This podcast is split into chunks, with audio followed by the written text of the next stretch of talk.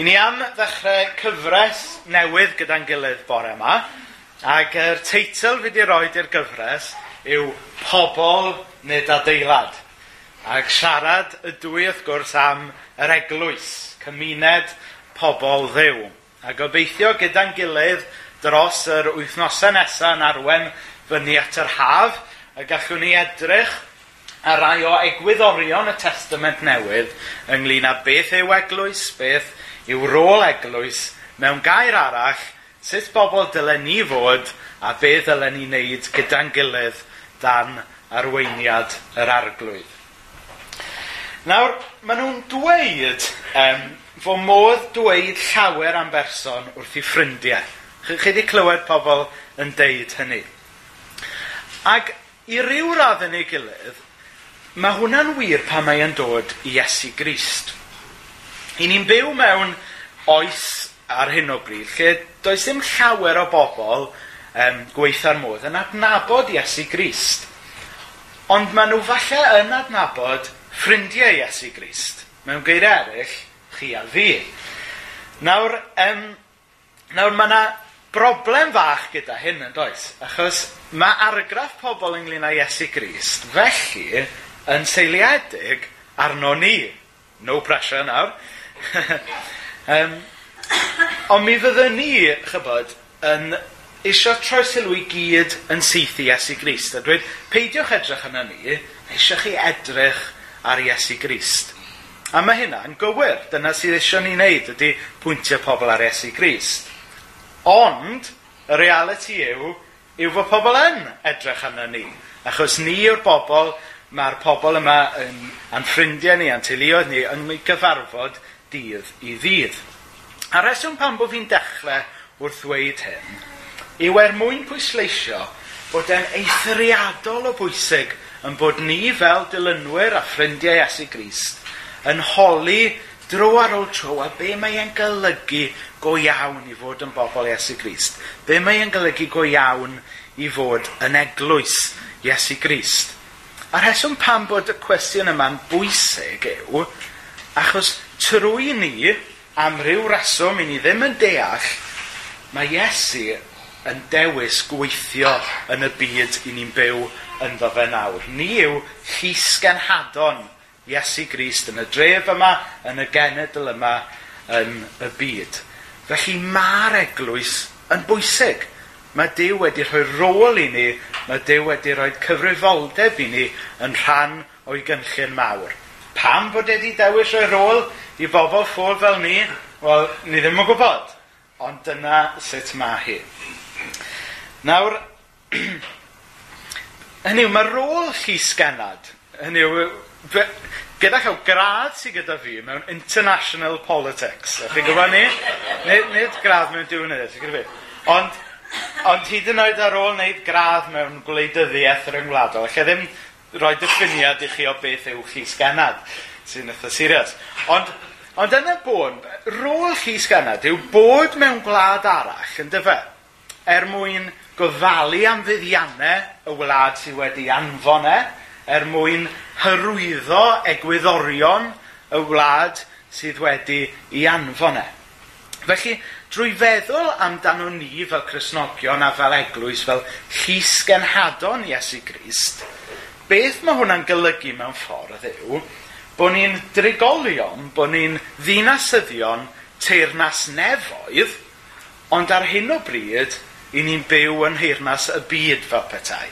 Um, yn, yn byw fel dilynwyr i Iesu Grist, yn hyrwyddo egwyddorion Iesu Grist ac yn rhannu y newyddion da am Iesu Grist. Felly dyna yw rôl llys genad, a mae'n hyfryd wedyn ni'n feddwl bod ni wedi cael y fraint o fod yn llys genhadon i Iesu Grist yng Nghernarfon yng Nghymru ac yn y byd i ni'n byw ynddo fe nawr.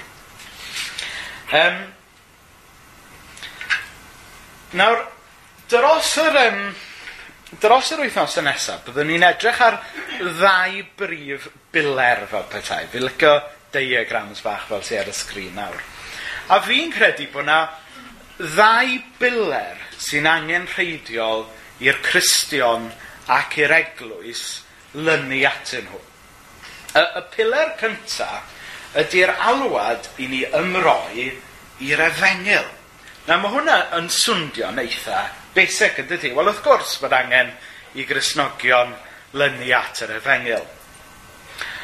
Ond weithiau mae angen atgoffa'n hunain o'r hyn sy'n amlwg yn does. Um, achos y gwir amdani yw, mae yna lot o bethau gyda ni yn gyffredin yn does. I ni gyd yn byw yng Nghernarfon ar ardal, i ni gyd yn siarad Cymraeg, i chi gyd yn meddwl bod gweinidogion yn licio bara brith. Mae, mae gyda chi lot o bethau yn gyffredin yn does. Felly, tra bod gyda ni lot o bethau eraill yn gyffredin a'r hynna'n bethau iawn yn ei lle, mae'n bwysig i ni esgoffa'n hunain, wel, er yn bod ni gyd yn byw yng Nghernarfon, Nid dyna yr un peth cyffredin sy'n bwysig fan hyn. Er yn bod ni gyd yn siarad Cymraeg, a mae hynna'n bwysig, nid dyna yw'r un peth yn gyffredin sy'n bwysig fan hyn. Ond yr un peth sy'n glynu ni at yn gilydd yw nid bod ni'n byw yng Nghanarfon, nid bod ni'n siarad Cymraeg, ond y ffaith bod ni gobeithio'n glynu at y fengil Iesu Grist. Dyna'r un peth sy'n dal ni at yn gilydd. Dyna'r piler cyntaf sy'n rhaid i ni aros yn ffyddlon iddo fe a glynu iddo fe. Um, dyle y newyddion da yma fod yn ganolog i'n bywyd ni fel unigolion ac i'n bywyd ni fel cymuned, fel eglwys gyda'n gilydd. A byddwn ni'n edrych yn fanylach ar hyn mewn munud. Ond ar ôl i ni ddeall bod angen i ni ymrwymio i'r efengil, yr ail biler, a'r un sydd yr un mor bwysig, yw fod alwad i ni ymrwymio i bobl yr efengil. Hynny yw yr eglwys. Nawr, yn y Testament Newydd, dwi wedi dweud hyn sawl tro, does beth sôn am sant. Mae'r Testament Newydd wastad yn sôn am saint. Hynny yw bod y ffydd grisnogol yn ffydd gymunedol, yn ffydd i ni'n cael yn galw i fyw gyda'n gilydd, mewn cymuned yn yr eglwys. A mae'r ddau biler yma yn gorfod sefyll gyda'i gilydd os ydyn ni am weld y math o eglwys, am weld y math o gymuned sydd yn y testament newydd. Hynny yw bod, bod rhaid i ni fod yn, rhaid i'r efengil fod yn ganolog, ond mae rhaid ni hefyd gael pwyslais ar bobl yr efengil. Mae Dyw yn galw pob un ohono ni i ddod i ffydd bersonol ynddo fe, ond ar ôl hynny, mae e'n ffydd i ni'n byw gyda'n gilydd mewn cymuned. So, i ni o blaid yr efengil ac i ni o blaid pobl yr efengil. Dyna y ddau biler sydd gyda ni fan hyn. Nawr, os gael roi het hanesydd mlaen am funud. A, nawr, dros y degawdau diwetha yng Nghymru, Mae yna duedd wedi bod gan Gristnogion i syrthio yn eich ffordd, chybod, i ganolbwyntio'n llwyr ar un piler ac anghofio'r pilar arall. Hynny mae gyda chi rhai Cresnogion falle sydd wedi bod yn, yn rhoi'r y pwyslais i gyd ar y gymuned ac ar berthyn. A, a, ag a dyw y gwirionedd am yr efengil ddim wedi bod mor bwysig. Wel, allwch chi gredu, beth bynnag chi'n moyn credu, jyst, jyst bod chi'n perthyn, jyst bod chi'n rhan o'r gymuned. A wedyn ar y llaw arall, mae yna grisnogion wedi aros yn ffyddlon i'r gwirionedd ac yr efengil, ond wedi anghofio pwysigrwydd yr eglwys a'r perthyn a'r gymuned yma. Ond i fi'n credu bod y testament newydd yn dysgu bod y ddau biler yma yr un mor bwysig a'i gilydd. Ac os ydy ni am, am fod yn eglwys debycach i'r eglwysi sydd yn y testament newydd, mae rhaid i ni gael y balans, chi'n gwybod, rhwng y pwyslais am yr efengil a pwyslais am bobl yr efengil, yr eglwys. Um, beth i ni'n gweld yn y testament newydd yw eglwys sydd cant y cant um, tu ôl y gwirionedd am Iesu Grist, ond hefyd cant y cant tu ôl eglwys Iesu Grist. Mae Iesu Grist a'i eglwys yr un mor bwysig. Ac, ac os yw un o'r peleri yma mynd, wel mae'r to ar y diagram bach na'n syrthio, dydy. Ac wrth bod fi'n paratoi, nes i gofio nôl am hysbysebion Lyn Poli yn y 90au. Chi'n cofio'r cwmni gwyliau? A nes i ffeindio clip o'r hysbysebion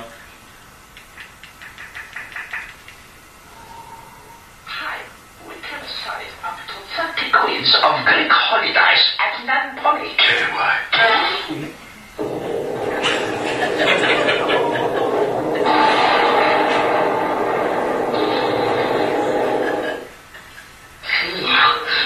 save up to £150 on a winter holiday at Lampolly. Get away.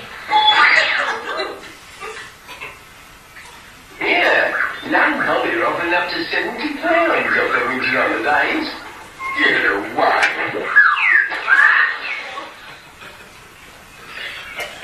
Ie, yeah, felly, pwy sy'n cofio'r hysbysebio yna? Just, na ni, o fi'n cofio nhw, ac o'n i fach. Um, ond mae'n... Ond chi'n deall beth oedd, um, chi deall beth oedd, beth oedd pwynt dangos y clipiau yna nawr. Hynny yw, mae rhaid i ni gael y ddau biler mewn lle yn does. Os ydym ni am weld y fath o gymuned, y fath o eglwys, mae'r Beibl yn dweud wrthyn ni i ddilyn. Mae eisiau ni fod yn ffyddlon i'r gwirionedd am yr efengil, ond mae eisiau ni hefyd fod yn ymrwymedig ac yn ffyddlon i gymuned yr efengil, yr eglwys. Ond um, am weddill yr amser bore yma i ni am ganolbwyntio ar y piler cyntaf, yr angen i ni fod yn efengil ganolog, a wnawn ni edrych ar y pwysles ar y gymuned um, mewn pethefnos. Nawr, mae gair dew yn ganolog i'r ffydd grisnogol. Um, gadewch mi ddarllen yr adnodau yma i chi. Yn y dechrau, yr oedd y gair – yr oedd y gair gyda Dyw, a Dyw oedd y gair, yr oedd ef yn y dechrau gyda Dyw. Daeth pob peth i fod trwyddo ef, hebddo ef ni ddaeth un dim sydd mewn bod. Ynddo ef yr oedd bywyd, a'r bywyd goleini dynion ydoedd. Hynny yw mae gair Dyw yn ganolog i'r ffydd grisnogol yn dydy. Mae stori fawr Dyw yn dechrau gyda Dyw yn dweud bydded goleini. Wedyn mae gwrthryfel dyn yn dechrau wrth i ddew wrthod gair dew, yn dydy? Dew yn dweud i beidio bita'r afal ac adda cefan gwneud. Felly mae'r gwrthryfel yn dechrau gyda dyn yn gwrthod gair dew. Trwy yr hen testament wedyn, chi'n gweld pobl yn dal gafael yn yr addewidion mae Dew yn rhoi trwy i air. A wedyn mae'r cyfan yn dod i'w climax a'i ben llanw wrth i'r gair ddod yn gynawd yn Iesu Grist. So mae'r gair, mae gair Dyw yn ganolog i'n ffydd ni. Um, trwy y gair a ddaeth yn gynawd, trwy Iesu Grist, i ni'n derbyn maddeiant.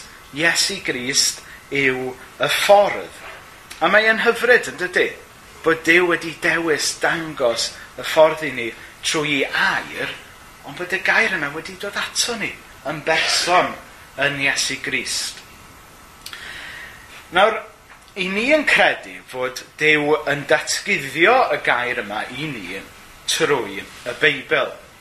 Nawr, falle bod rhai ohonoch chi wedi clywed am ddiwynydd o'r enw Cael Bat Mae e'n rhyw ddyn sy'n a lot o syniadau, rhyfedd, ond mae gyda fe rhai, syn, rhai syniadau da.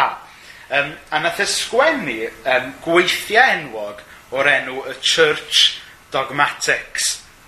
Ac um, maen nhw'n 13 cyfrol, os bydden nhw ar eich silff chi, bydden nhw'n cymryd gymaint yn ei o le, maen nhw'n 6 miliwn o eiriau, a nath e gymryd 35 mlynedd i'w sgwennu nhw. Ond pan oedd um, cael bart ar i weli angen, dyma na rhywun yn gofyn iddo fe, wel, chybod yr 13 cyfrol yma, 6 miliwn o eiriau, 35 mlynedd. Tria grynhoia mewn un frawddeg. Ag, a, a, dyma beth, a dyma beth ddywedodd cael bart ar ei weli angen. Wel, yn syml iawn, yr unig beth o'n i'n trio dweud oedd, Jesus loves me, this I know, for the Bible tells me so. Ac um, dwi'n yn gweld pam gymeryd 35 mlynedd i, i sgwennu fe, ond, ond a gobeithio bod hyn yn wir amdano ni fel eglwys. Hynny yw, i ni yn dilyn gair dew, i ni'n dilyn y gair a ddaeth yn gnawd Iesu Grist. Ac i ni'n credu, mae'r Beibl sy'n dysgu hynna i ni. Mae'r Beibl sy'n dangos hynna i ni. E, mae diolch i cael bart am, am, am Ar ôl roed e mor hir am roed e mor gryno i feidrolion fel ni ddeall.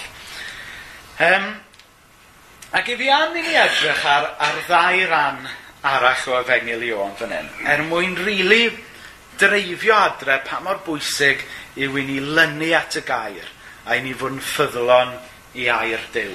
Iwan 5, 24. Yn wir, yn wir, rwy'n dweud wrthych, fod y sawl sy'n gwrando ar fy ngair i ac yn credu'r hwn am hanfonodd i, y meddu ar fywyd tragwyddol, nid yw'n dod am gondemiad i'r gwrthwyneb, y mae wedi croesi o farwolaeth i fywyd. Felly yn fan hyn, yn yr adnod syml yma, da ni'n gweld pa mor bwysig yw credu y gair ac aros yn ffyddlon i'r gair. A mae e'n dweud fan hyn yn blwmp ac yn blaen, mae drwy gredu y gair i ni'n cael bywyd tragwyddol. Nid drwy fyw bywydau da, nid, nid wrth droi lan i'r capel bob wythnos, nid wrth chyfod, ond drwy gredu y gair. A mae'n hyfryd yn dydy. Dydy Iesu ddim yn gofyn llai, dydy e ddim yn gofyn mwy. Mae e'n gofyn i ni'n syml iawn i gredu yn y gair trwy ffydd. Ac i ni'n gweld hefyd ar ddiwedd yr adnod, mae'r gair sy'n dod a bywyd, ynddo fe? Hynny yw, ni'n byw mewn byd sydd wedi torri. ni'n byw mewn byd a poen a marwolaeth. Ond mae'r gair yn torri trwy marwolaeth ac yn dod a bywyd. Y mae wedi croesi o farwolaeth i fywyd. A mae gair Dyw felly yn dod a bywyd i ni'n llythrenol nawr, ond hefyd mewn tragwyddoldeb i ni'n cael bywyd eto. Wedyn, yr, yr ail set o adnodau, Iowan 8, um, 31 a 32. Os arhoswch wy yn fy ngair i, yr ydych mewn gwirionedd yn ddisgyblion i mi, cech wybod y gwirionedd a bydd y gwirionedd yn y chryddhau. Nawr, unwaith eto, ni, ni, ma, ma mae'r efengil yn dweud wrthyn ni, mae, mae gwir ddisgyblion Iesu Grist, unwaith eto yw nid pobl sy'n digwydd tro lan i'r capel neu be bynnag, ond pobl sydd yn ymddiried yn y gair yn dyfa. Dyna, dyna yw pobl sydd yn dilyn Iesu Grist go iawn. Pobl sydd yn i air e. Anhyfryd iawn mae'r adnod yn dod i ben drwy ddweud bod y gwirionedd yma yn yn rhyddhau ni Achos pan ni'n clywed weithio beth eisiau ni fod yn ffyddlon i'r gair, i ni'n gallu syrthio i feddwl amdano fe fel set o reolau, chi'n gwybod? Bod rhaid i ni glynu at y rheolau yma, ac os newn ni gael deg allan o ddeg gyda rheolau, byddwn ni'n iawn. Ond nid yn galw ni i reolau, mae dew. Ond yn hytrach mae aire yn yn rhyddhau ni. A mae hwnna'n hyfryd, mae'n rhyddhau ni i fywyd newydd o, o wybod bod ni wedi derbyn maddeiant a nawr bod ni'n rhydd i fyw bywyd newydd yn dilyn Iesu Grist. Achos nid dod mewn i'r byd gyda set newydd o reole, nath Iesu Grist, ond dod mewn i'r byd i drefnu ffordd i ni gael maddeiant. Felly, drwy, drwy ddweud bod eisiau ni fel eglwys i, i fod yn ffyddlon i'r gair, dwi'n mynd siarad am set penodol o reolau fan hyn. Drwy ddweud bod eisiau ni fod yn ffyddlon i'r gair, beth dwi'n golygu yw bod eisiau ni fod yn ffyddlon a dilyn y gair a ddaeth yn gnawd, Iesu Grist. Chos dyna mae'r Beibl yn neud, yw jyst dangos Iesu Grist i ni, o'r dechrau i'r diwedd. Felly mae hwnna yn hyfryd. Nawr, um, Bob amser cinio dydd Gwener, mae yna gyfarfod gweddi yma yng Nghaersalem. Um, ac cyfarfod gweddi yn benodol i weddio dros weinidogaeth y gair. Ac a di Gwener yma, nes i ofyn i bawb oedd yna, chyfod, wel, be chi'n golygu wrth hyn? Ry'n ni'n dweud pob wythnos bod ni'n cyfarfod i weddio dros weinidogaeth y gair. Wel, beth i ni'n golygu wrth hyn? Ac, um, a gathen nhw i gyd yr ateb yn gywir, chwarae teg iddyn nhw.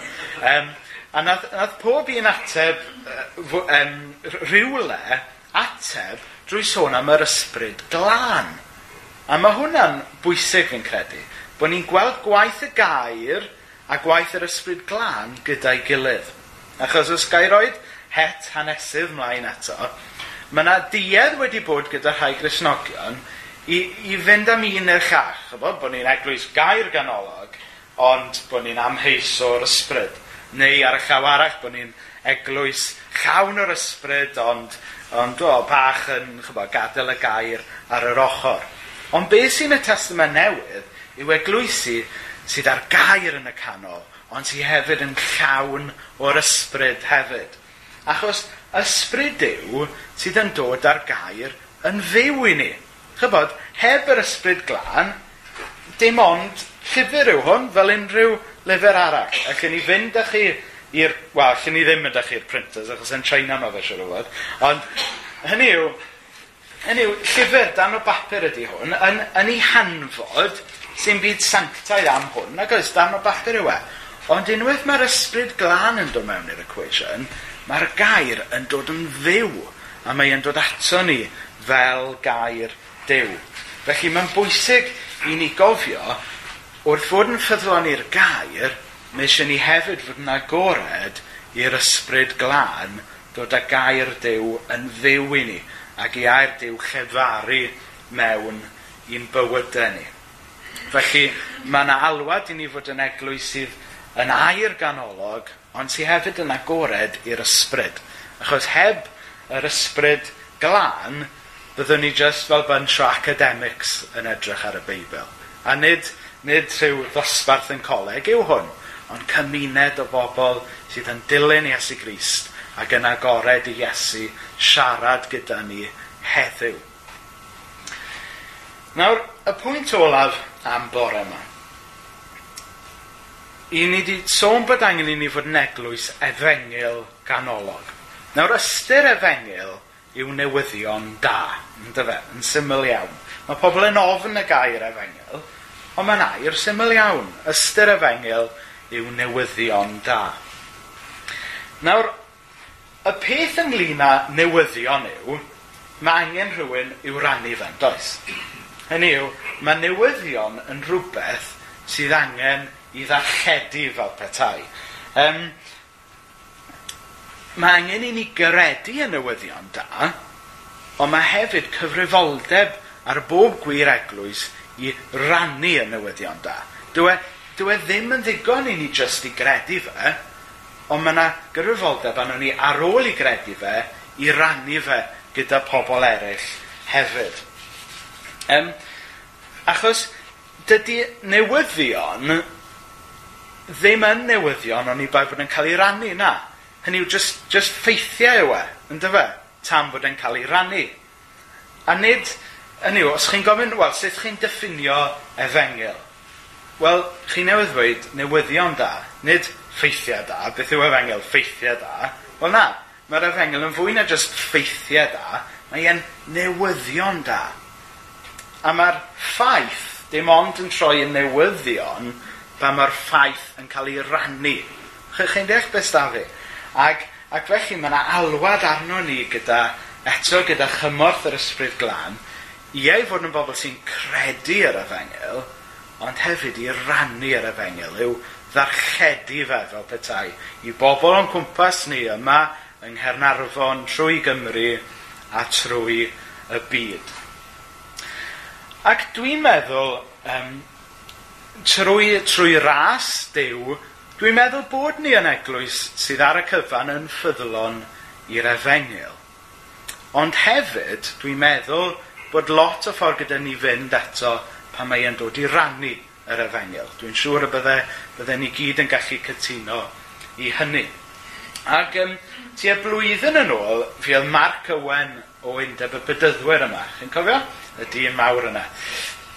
Um, Ac un o'r pethau heriol nath Mark ddweud wrthon ni oedd, God has called us to be fishers of men, but we have become keepers of aquariums. A mae hwnna'n heriol iawn yn dydy. Felly, wrth yn bod ni, wrth yn bod ni'n cael galwad i fod yn eglwys sydd yn ffyddlon i'r efengil, wel ie, mae hynna'n dechrau gyda ni fel unigolion, bod ni yn credu'r efengil, bod ni'n ffyddlon i'r efengil. Ond os ydy ni wir yn eglwys sy'n ffyddlon i'r efengil go iawn, yna newn ni gymryd yr ail gam yna i rannu yr efengil hefyd. Nawr dros yr wythnosau nesaf drwy'r tymor, newn ni edrych be mae hwn yn ei olygu yn ymarferol fel petai, a newn ni edrych ar rai patrymau sydd yn y testament newydd ynglyn â sut mae rhannu y newyddion da. Ond am bore yma, dwi am i adael hi fyna, gyda'r alwad syml i ni fel unigolion a fel cymuned gyda'n gilydd i fod yn bobl sydd yn ffyddlon i'r piler cyntaf yna, i ni fod yn bobl sy'n efengil ganolog.